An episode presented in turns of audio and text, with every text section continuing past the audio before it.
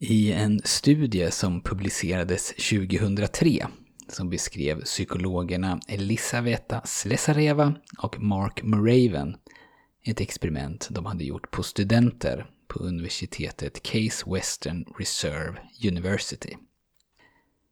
Studenterna hade först fått se ett fem minuter långt videoklipp på komikern Robin Williams när han utförde ståuppkomik. Och hälften av studenterna hade då blivit tillsagda att de inte skulle skratta när de såg videoklippet. Och när sen det korta klippet var slut så skulle studenterna utföra en handling. De skulle dricka en dryck som medvetet hade gjorts äcklig med hjälp av vinäger. Och så skulle de få betalt. Ju mer de drack, desto mer betalt skulle de få.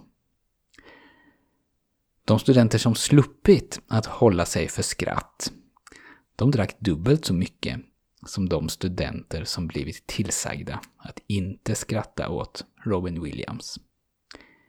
I det här avsnittet så ska jag ge dig några exempel på relativt små förändringar i ditt mindset och i ditt beteende som kan göra stor långsiktig skillnad i hur du mår och hur du beter dig. Du lyssnar på Monkey Mindset och jag heter Daniel Sjöstedt.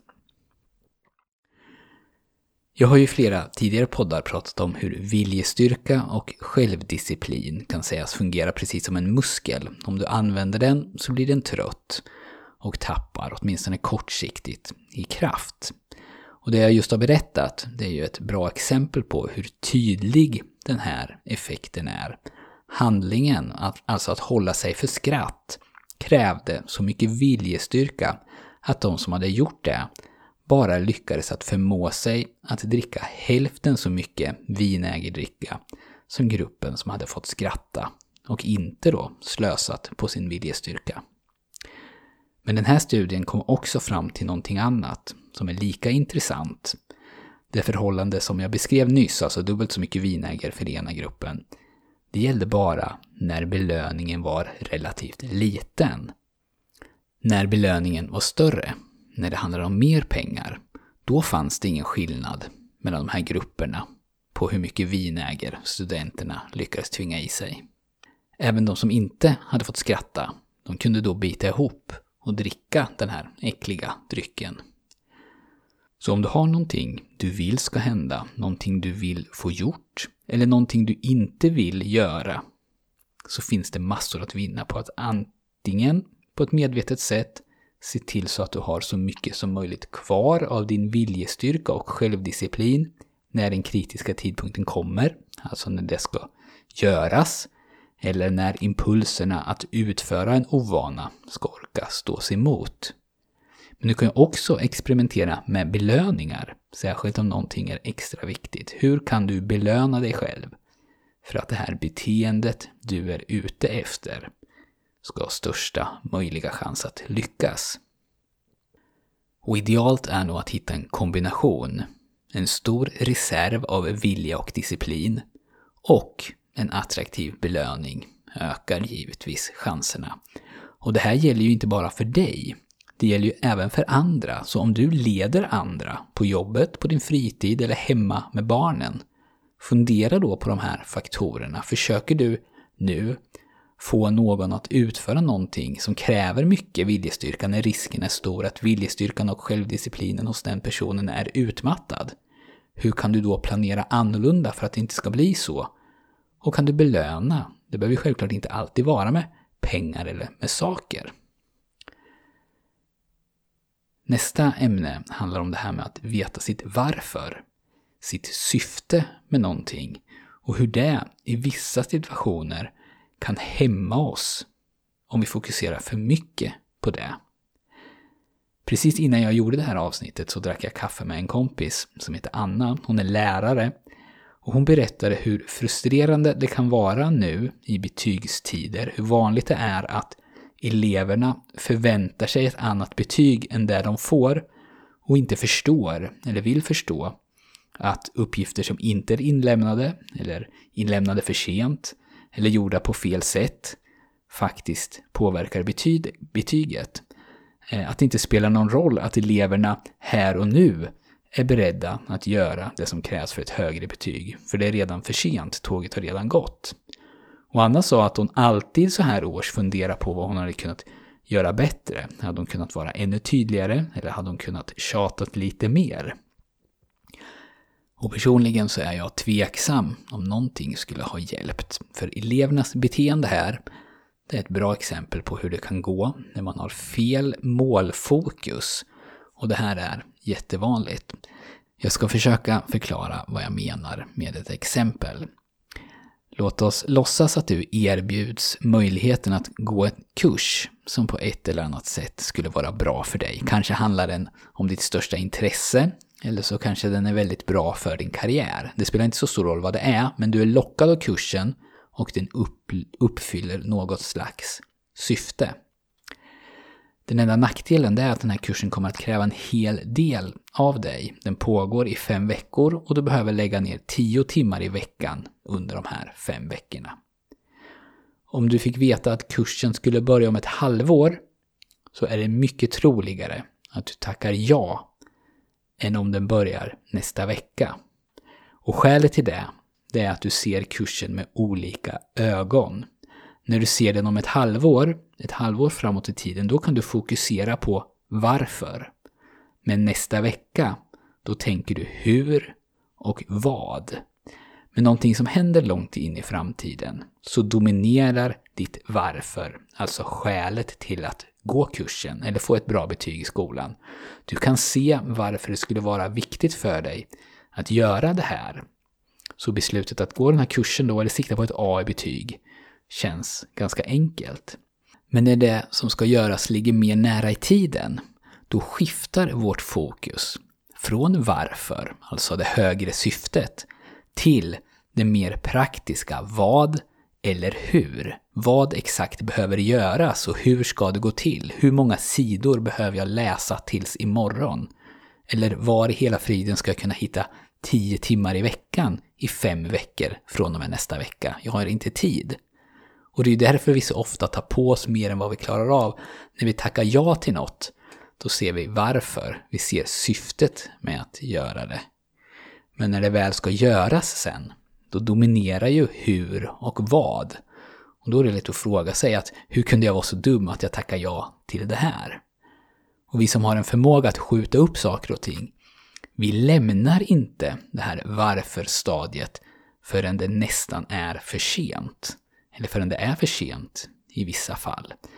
Att sluta röka för att i framtiden kunna leka med sina barnbarn, det är ett väldigt starkt varför vad och hur här. Det handlar om detaljerna, alltså det dagliga gnetet. Vad kan jag göra idag för att klara nästa gång som röksuget kommer? Eller hur ska jag bete mig nästa gång någon bjuder mig på en cigarett? Och den som fastnar i varför då, han eller hon skjuter upp de här besluten. Jag slutar imorgon, eller på måndag, eller den första nästa månad.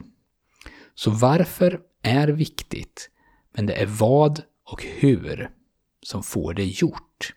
Så fundera över de här frågorna. Vad är mitt varför? Och hur kan jag specificera så tydligt som möjligt det här vad och det här hur? Och ju tydligare, desto bättre generellt sett. Och om du har spesat tydligt, inte bara alltså jag ska vara i fas i samhällskunskapen, utan någonting mer tydligare. Jag pluggar samhällskunskap varje tisdag mellan 17 och 19 och gärna ännu tydligare än så då. Men då kommer det att krävas mycket mindre disciplin och viljestyrka för att kunna få det gjort. För när du bestämmer reglerna i förväg, då behöver du inte lägga någon energi på att komma på dem i stunden. När ska jag plugga? Hur länge ska jag plugga? Vad ska jag plugga?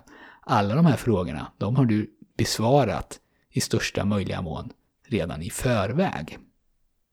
Det tredje och sista mindset-skiftet, det handlar om hur du tänker.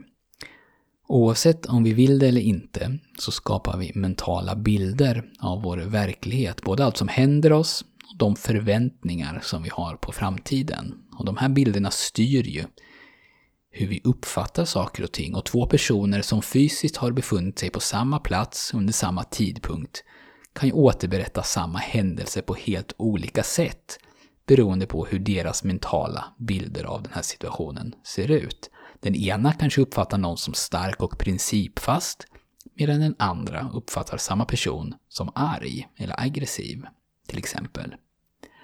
Och när man tänker på sina mål, eller kommande beteenden, så skapar man också inre bilder och det här sker ju automatiskt. Då är det lätt hänt, särskilt om man anstränger sig för att vara positiv och kanske till och med ägna sig åt positivt tänkande, att man skapar målbilder. Att man tänker någonting i stil med att jag klarar det här, jag är bra, jag klarar det här lätt. Man intalar sig alltså att den här förändringen, eller den här bete det här beteendet, är någonting som kommer att gå lätt. För man tror att det är så man gör. Hur du istället ska tänka, eller de bilder du istället ska försöka skapa, det är att du klarar de hinder som kommer att uppkomma. Om du har lyssnat på avsnitt 73 som handlar om modellen WHOOP så känner du kanske igen det här. Gabrielle Ottingen som har utvecklat WHOOP. Hon har undersökt den här effekten på många olika sätt och i en undersökning så kollade hon kvinnors inställning innan de skulle inleda en diet. Och det visade sig då att de som var mest positiva och förväntade sig att det skulle gå lätt, de tappade i snitt 10 kilo mindre än de som hade en mer realistisk bild av vad som skulle hända. Den gruppen kunde förutse hindren istället och fokuserade sin mentala energi. De skapade alltså sina mentala bilder utifrån hur de skulle kunna överkomma dem. Så tänk positivt, men fokusera inte på hur lätt det kommer att gå. Fokusera istället på hur du klarar av de hinder och svårigheter som oundvikligen kommer att kunna uppkomma. En liten, liten skiftning i din mentala inställning som kan göra stor skillnad.